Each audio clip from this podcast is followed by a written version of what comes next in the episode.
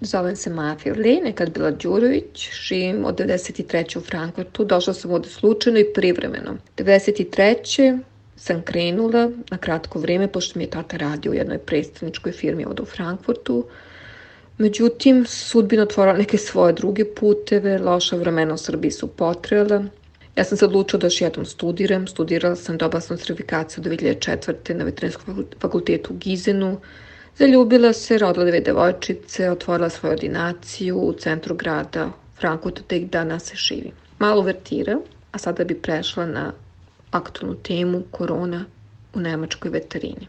Korona je polako ulazila u našu svakodnevnicu. U početku nisam znala ni koga ni kako da zaštitim svoje zaposlene, kojih imam devetoro, sve ordinacije koje ima svoje finansijsko opterećenja, svoje devojčice, moju familiju, koje imaju 17 i 20 godina, koje su željne vikenda, izlazaka, provoda, diskoteka, svojih mladića i ostalo, ili samo sebe.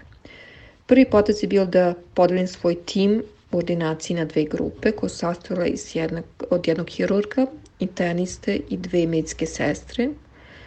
Ideja je bila da ako jedna posustane, ako jedna pozitivna bude, da druga nastavlja i da proba da izvuče tim do kraja.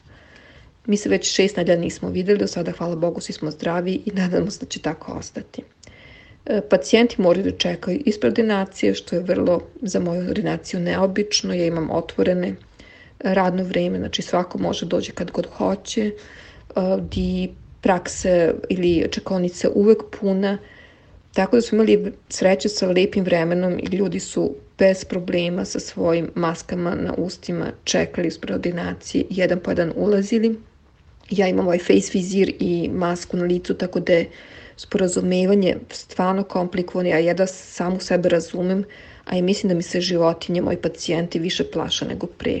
Optimista sam i u svakoj situaciji gledam da izvučem nešto pozitivno. Mogu reći da me ovo korona vreme i naučilo i promenilo mnoge stave u mom životu. Cijelog života sam puno radila, osnivala, gradila ordinaciju, karijeru, a isto vreme sam žela da budem i dobra majka. Nisam imala kočnice i sada sam svesna da bi me ondašnji tempo mog života verovatno kada tada ubio.